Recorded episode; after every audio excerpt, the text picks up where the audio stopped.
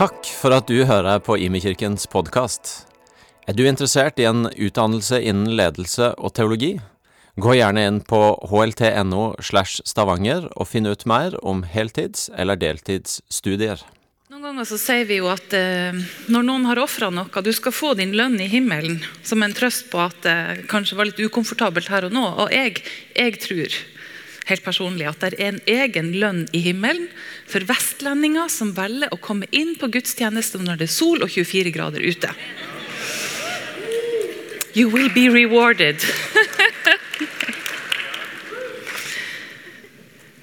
I, I tråd med det været så skulle jeg jo egentlig ha valgt et eller annet lett og lyst å tale om, men eh, det blir ikke det i dag. I dag skal jeg tale om noe som egentlig er blytungt. Jeg skal snakke om eksistensiell ensomhet. Det å være ensom, å kjenne seg ensom, det er jo ikke lett. For det første er det vondt å ha det sånn, men for det andre så er ensomhet også noe som er litt skambelagt. Ingen av oss har lyst til å si det om seg sjøl, at jeg er ensom. Kanskje man føler at da er du sosialt mislykka.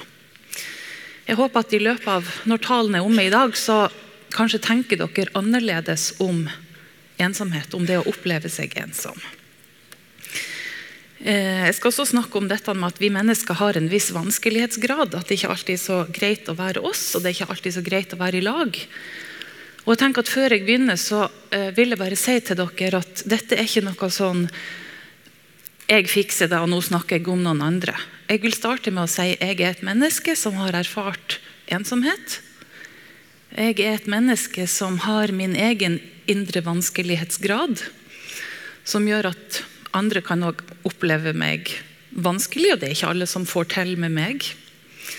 Jeg er også et menneske som får erfare at andre har en vanskelighetsgrad, og da hender det seg at jeg går helt tom for den åndens frukt som heter tålmodighet. Ja, det har hendt en del ganger at jeg har gått helt tom for den, og da får ikke jeg det til med andre. Så det vil jeg starte med å si at uh, vi, vi er i lag om dette her. Og jeg skal snakke om noen ting som kanskje vil pirke borti noe som er litt sårt i livet. Derfor er det viktig for meg å si at eh, vi er i lag om å erfare at livet kan være litt sårt. Jeg skal begynne med å lese fra Johannes 1, eh, vers 1-14. I begynnelsen var Ordet. Ordet var hos Gud, og Ordet var Gud. Han var i begynnelsen hos Gud. Alt er blitt til ved ham. Uten ham er ikke noe blitt til. Det som ble til i ham, var liv, og livet var menneskenes lys. Lyset skinner i mørket, og mørket har ikke overvunnet det.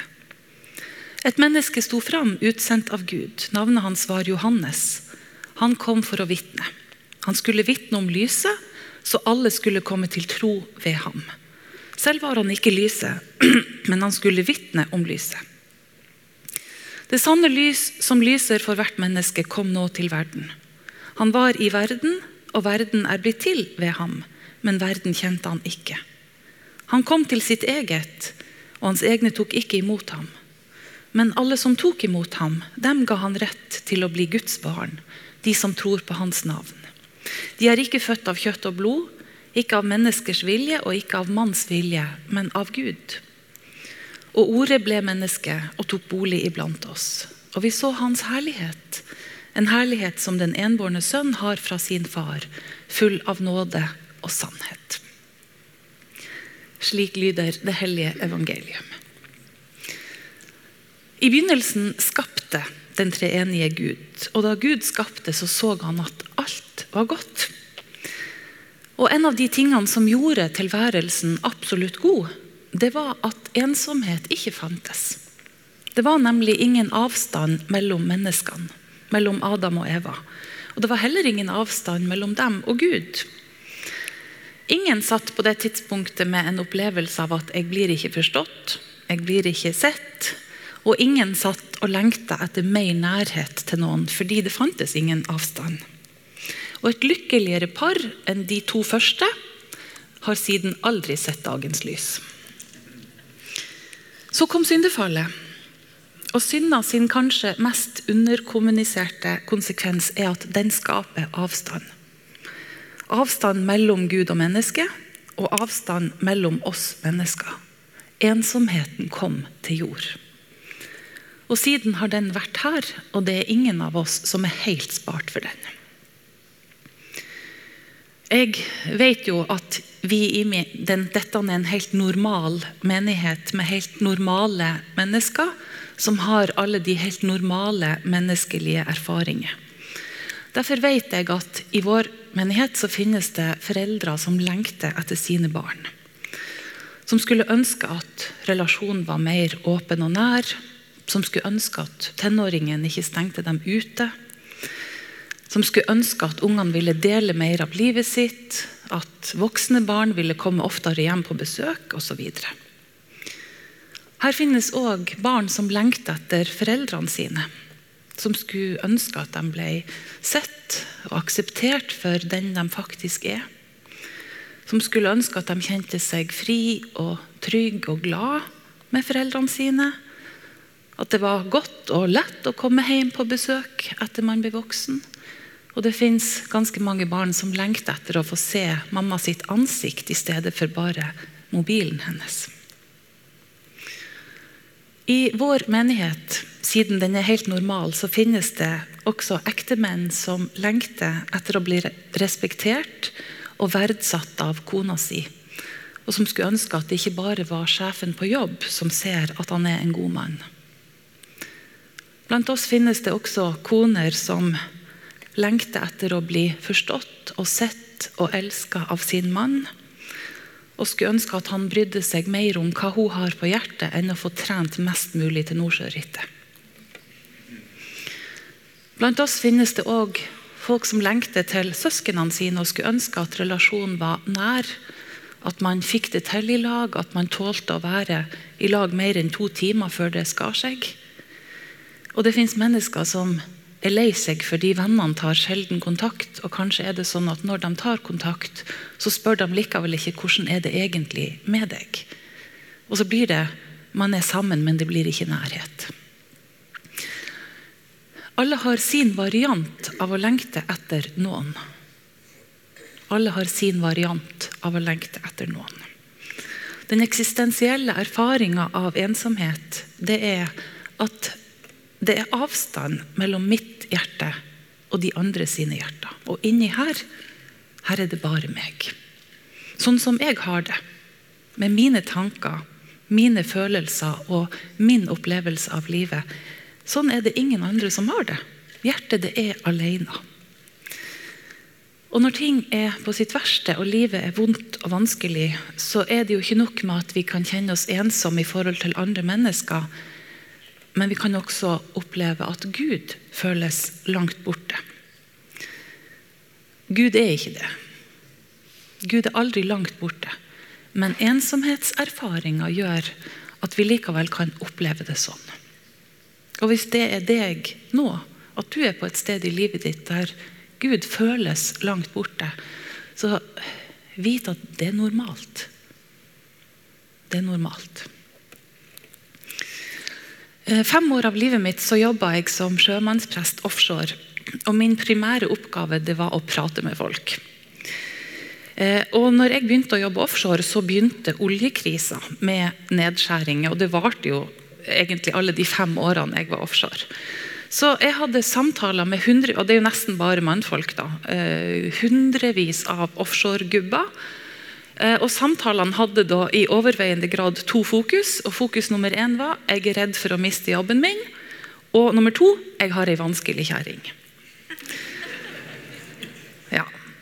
Og punkt nummer én jeg er redd for å miste jobben min. Det kunne vi ofte på en måte ikke løse, men i samtalen gå gjennom worst case scenario. La oss si at det faktisk skjer, og at du mister denne offshore-inntekta di, og du må ned i lønn, og kanskje mister du båten, og kanskje må du selge hytta og kanskje den ene bilen.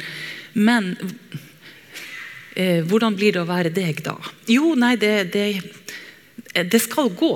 Altså, jeg, jeg, kommer til å komme gjennom det med eh, litt dårligere råd og kanskje litt såra stolthet, men jeg skal stå han av. Så Ofte så, så, løste det problem nummer én seg med å bare snakke gjennom det. Men så kom vi til problem nummer to. Det var ikke så enkelt. Og det var ofte mange ganger vi måtte bla ned gjennom mange lag eh, for å finne ut hva er egentlig vanskelighetsgraden på denne kjerringa. Og hvorfor er det du har det så vondt i lag med henne? Hvordan er det egentlig å være deg i lag med henne? Prøv også å tenke hvordan det er å være hun sammen med deg. Hva er det du lengter etter? Hvordan skulle du ønske at det var? Og når problem to, vanskelig kjerring, ble åpna opp og snakka ut, og en del ganger grått ut, da satt vi ofte igjen med ensomhet. Jeg kjenner meg ensom i lag med henne. I hjertet mitt er jeg alene. Det er ting jeg ikke tør å fortelle henne. Det er ting jeg skammer meg over. Det er ting jeg lar være å fortelle fordi jeg er redd for hva reaksjonen som kommer. Det er ting ved meg jeg legger bånd på fordi jeg vet at hun misliker den delen av meg. Hun går ikke så godt overens med mora mi, så jeg føler at jeg har kommet på avstand fra mine egne. Osv. osv. Jeg er ensom. Den andre halvparten av problem nummer to, altså selve den vanskelige kjerringa, hun fikk ikke jeg snakka med, for hun satt jo på land. Men jeg antar at det satt ei der hjemme og gjerne kjente seg ensom, hun òg. Ikke nødvendigvis fordi gubben var bortreist på jobb, men fordi han var bortreist når han var hjemme. Han trakk seg inn i skallet sitt og delte ikke hva han hadde på hjertet. Etter at jeg hadde sittet og hørt på det samme problemet i fem år i olja, før det så var jeg fem år i militæret og hørte i grunn på det samme problemet der òg, så det er ti års erfaring med å høre om vanskelig kjerring. Ehm, da var iallfall ikke jeg i tvil lenger om at dette er universelt. Dette er aldeles universelt, for det oppstår så ufattelig hyppig. Så Hvis det er deg, at du sliter med vanskelig kjerring eller vanskelig gubbe, så tenker jeg ikke føl deg særlig spesiell. Da er du helt universell. Den dårlige nyheten jeg har til dere i dag, det er at til en viss grad så vil det alltid være sånn at det er avstand til de andre sine hjerter. Fordi det er faktisk kun du som har ditt liv. Og det er ingen andre mennesker som er innafor i hjertet ditt og kan forstå deg fullt ut. Du er alene om ditt liv.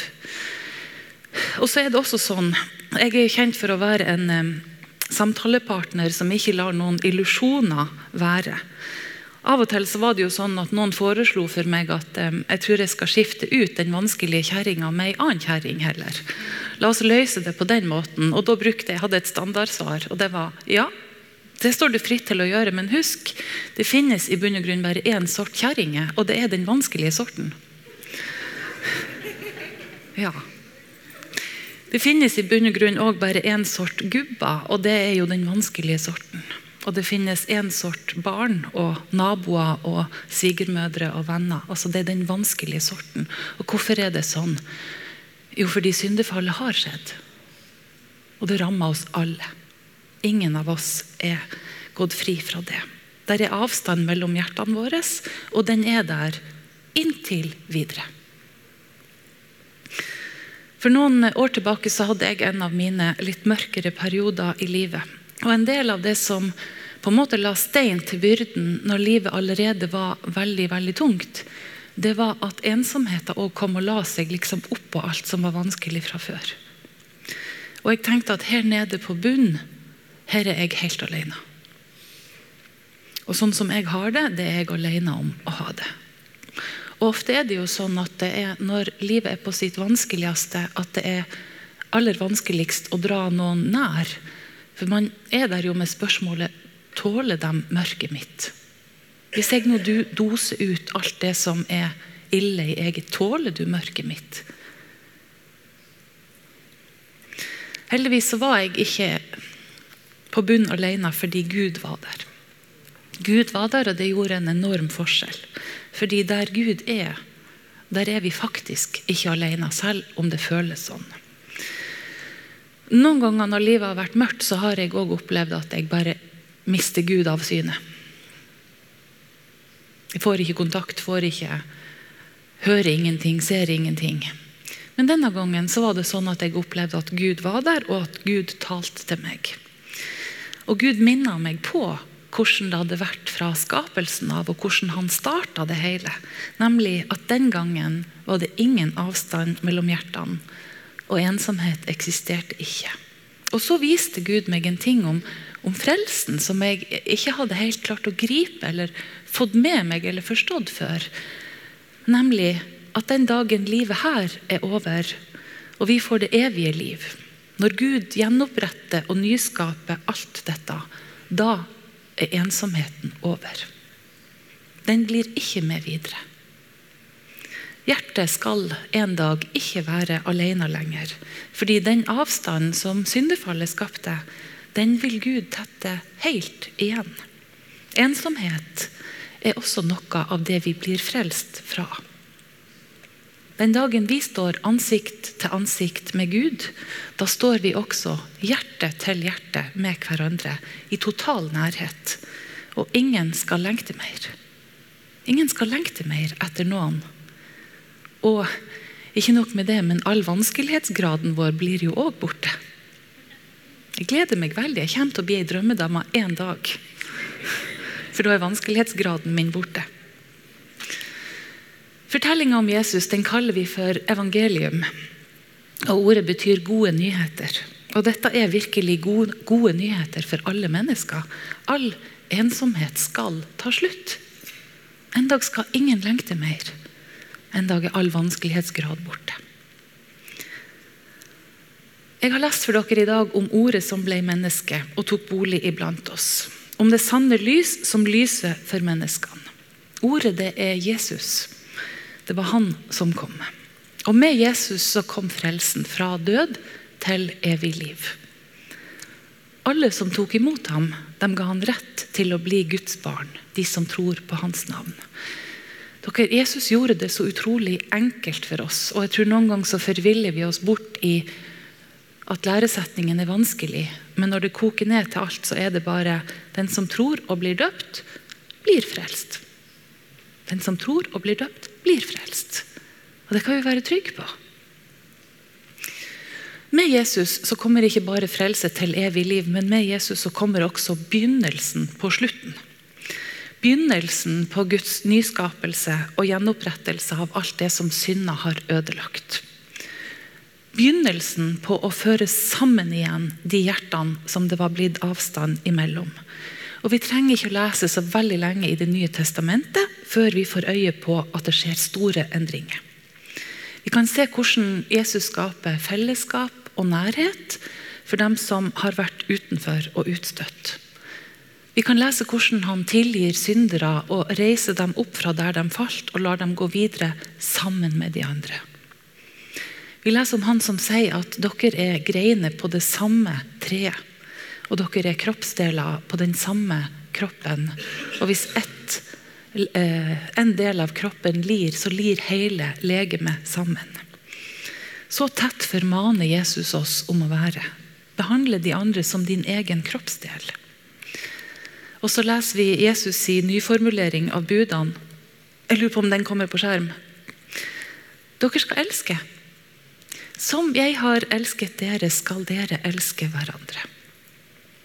Og Vi kan òg ta med oss eh, Jesus i aller siste bønn før han blir tatt til fange på skjærtorsdag. Må de alle være ett, slik du, far, er i meg og jeg i deg. Det er nærhet. Må de alle være ett slik du, far, er i meg og jeg i deg. Jesus bringer nærhet. Og Det skjer en veldig stor endring, og folk begynner å leve ut denne nye nærheten som Jesus initierer. Det står fra apostelgjerningene 2,44 om fellesskapet mellom de første kristne. Alle de troende holdt sammen og hadde alt felles. De solgte eiendommene sine og det de ellers eide, og delte ut til alle ettersom hver enkelt trengte det. Hver dag holdt de trofast sammen på tempelplassen, og i hjemmene brøt de brødet og spiste sammen med oppriktig og hjertelig glede. Og så til slutt, apostelgjerningene 4.32. Der står det alle de troende var ett i hjerte og sinn. Alle de troende var ett i hjerte og sinn. Paulus han forkynner da at det er ikke forskjell på Kvinne og menn, slave og fri, jøde og andre folkeslag. Alle er ett i Kristus. Og sånn som den veldig myndige Paulus lærer dem, sånn begynner de også å leve. Og så ber jeg dere legge merke til én ting, og det er at det er himmelvid forskjell på gudsdyrkelsen i den nye og den gamle pakt. For i den gamle pakt, da man drev med gudsdyrkelsen i tempelet, så var det satt opp skiller. For der var det hedningenes forgård, og de som da ikke var etnisk jøde, fikk ikke komme lenger enn dit. Så har du kvinnenes forgård, mennenes forgård, og så har du det området av tempelet der prestene fikk være, og så har du der bare øverste presten fikk lov å gå en gang i året. Veldig delt opp i båser, og hver for seg. Eh, men nå etter å ha hørt Jesus og Paulus, så begynner folk å skjønne at vi er jo alle prester. Vi er alle prester, vi har det samme kallet. Og det er helt uavhengig av kjønn, av nasjonalitet, av status. Og det som før var avstand og delt opp i hver sine båser, det begynner å bli helt og nært. Forhenget i tempelet det revna som er det sterkeste symbolet på at den gamle gudsdyrkelsen på den gamle måten der alt var oppdelt, den er over nå. Det er Gud sjøl som avvikler gudsdyrkelsen og tempelet. Gud har kommet nær, og det ser helt annerledes ut. Alle som tok imot ham, de ga han rett til å bli Guds barn. Og søskenflokken av Guds barn de forsto at ja, det er jo søskenflokk vi er. Det er en søskenflokk vi er. Jeg tenkte i dag at jeg skulle gi dere hjemmelekser. Er det greit? Ja. En fin ting å få i ferien, er det ikke? Uansett hvor i bibelappen dere er, og hvor dere holder på med Bibelen på ett år, så vil jeg at dere skal lese apostelgjerningene. Fordi apostelgjerningene er en sånn her fellesskapsbonanza. Og når vi leser om hvor tett de nye kristne lever, så kan vi også se hva slags frukt det bærer. For det bærer en helt enorm frukt i form av menighetsvekst. Den der søskenflokken som lever ut nærheten til Jesus og til hverandre, den er det veldig attraktivt å være med i. Det er veldig attraktivt å være med i det fellesskapet. Og selv om altså, De første kristne de har jo hatt akkurat samme livsvilkår som det vi har. Ehm, det er ingen grunn til å tro at ikke eksistensiell ensomhet var deres skjebne òg. Ehm, det var vanskelige kjerringer og vanskelige gubber og vanskelige naboer og svigermødre den gangen òg. Men jeg tror at det fellesskapet de lever, det bøter på noe av ensomheten. Det står jo ingenting om at det var slutt på at folk var vanskelig. Det står ikke at det var slutt på å føle at uh, vi klikker ikke, vi går ikke helt i hop. og vi er ikke så... Nei. Men det står om at noe nytt ble skapt med Jesus i sentrum. Med Jesus i sentrum så blir det skapt noe nytt, selv om livsvilkårene var akkurat sånn som våre livsvilkår. En ting Jesus aldri sa, det var at dere skal være ett å være greiner på samme vintre og kroppsdeler på samme kropp for en periode, for noen få hundre år. Og så, og så kan dere eh, gå vekk fra det og begynne å holde avstand. Det sa han aldri. Etter hvert kan dere begynne å holde avstand, og særlig til de som har en annen læresetning enn det dere sjøl har. Eh, han sa heller aldri at på sikt så kan tro bli en privatsak. Nå til å begynne med så er det en bekjennelse, og vi deler det, men på sikt kan det bli en privatsak som dere holder for dere sjøl. Det sa han aldri. Det var aldri en åpning for at tro kunne bli være noe vi holdt for oss sjøl eller var alene om. Det handla alltid om å ha trosfellesskap og om å komme nær. Det er fortsatt det vi er kalt til. Og jeg tror ikke vi trenger noe mindre enn de første disiplene og de første menighetene. Om noe så tror jeg at vi trenger det mer. Fordi kulturen vi har rundt oss, det er en ensomhetskultur. Mer og mer er det en fasadekultur eh, som skaper både harde masker og også harde hjerter. De som driver med empatiforskning, har jo funnet ut at etter sosiale medier ble introdusert, så har empatien vår dalt med ubegripelig mange prosent. Det er i ferd med å bli en ganske hard kultur. Hvis ingen noensinne bryter gjennom og inn til det som vi faktisk har på hjertet, så er vi ubarmhjertig stuck i eksistensiell ensomhet. Og der er det vondt å være. Jeg sa at Dagens nøkkelord er Jesus i sentrum. Og denne vanvittige fellesskapsbonanzaen som beskrives i Nytestamentet, har det kjennetegnet. At de har Jesus i sentrum. De går inn for å følge ham helhjerta.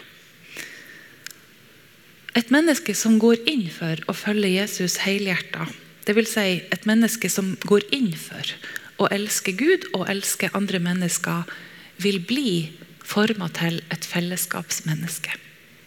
Et menneske som inkluderer, som evner å løfte opp, som i stadig mindre grad driver og konkurrerer med de andre, men i stadig økende grad klarer å se verdien i at vi er helt forskjellige.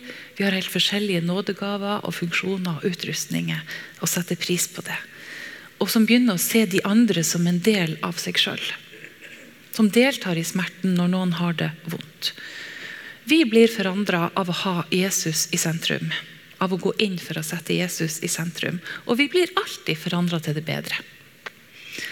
Eh, jeg kan bare snakke for meg sjøl, men ved å se på mitt eget liv, så kan jeg, jeg kan jo se at det trengs. Det trengs å bli forandra til det bedre. Eh, og det trengs ganske mye. Og jeg tenker at En grei definisjon på meg det vil, det vil være at hun er et vandrende forbedringspotensial. Ja. Og Det er også en ganske sann definisjon på deg.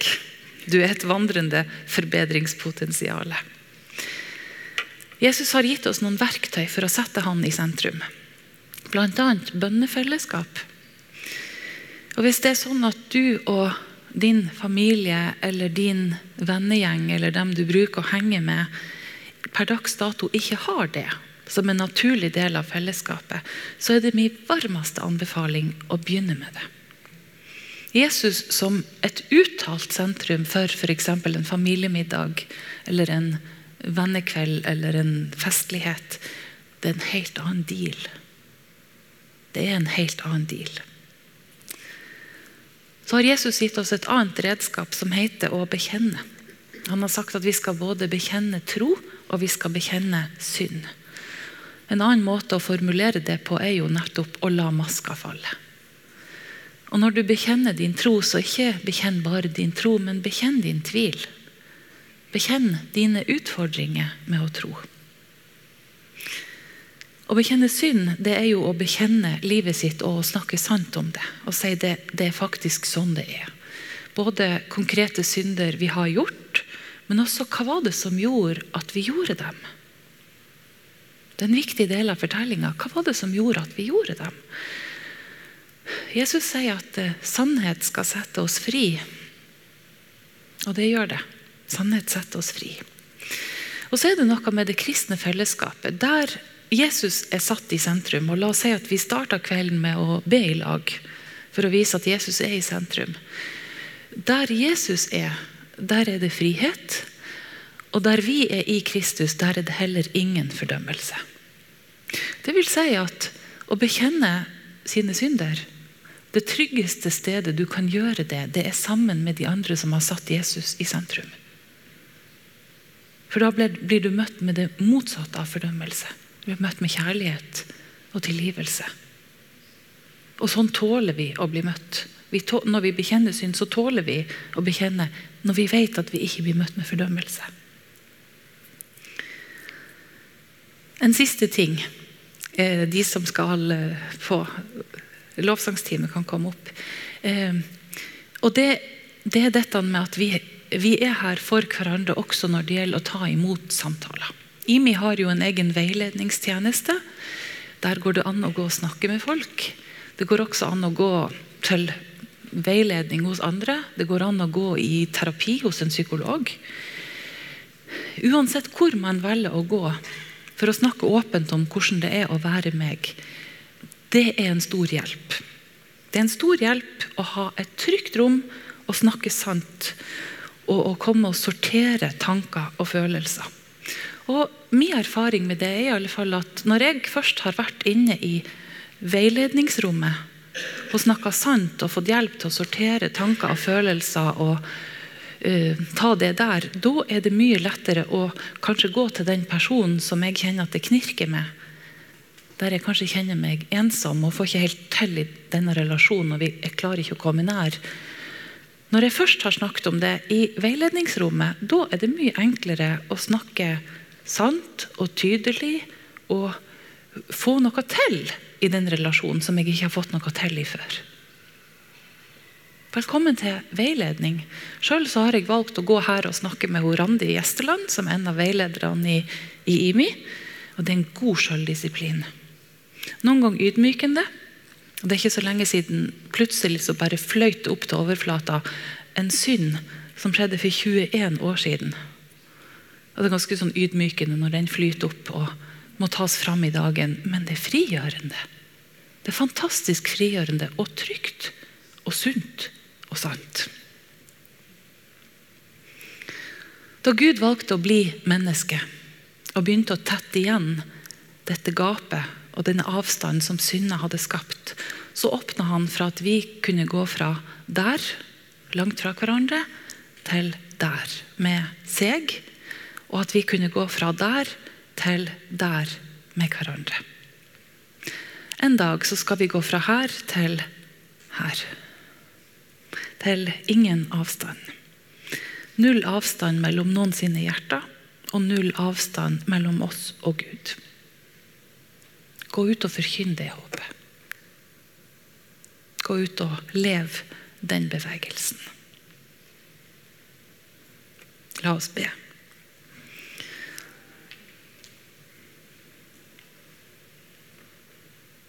Takk, Gud, for at vi står ikke her eh, med våre hjerter uten en kur. Vi er ikke bare prisgitt at, eh, at det er sånn som syndefallet gjorde det. For vi står her midt i din nåde. Vi står her midt i din kjærlighet.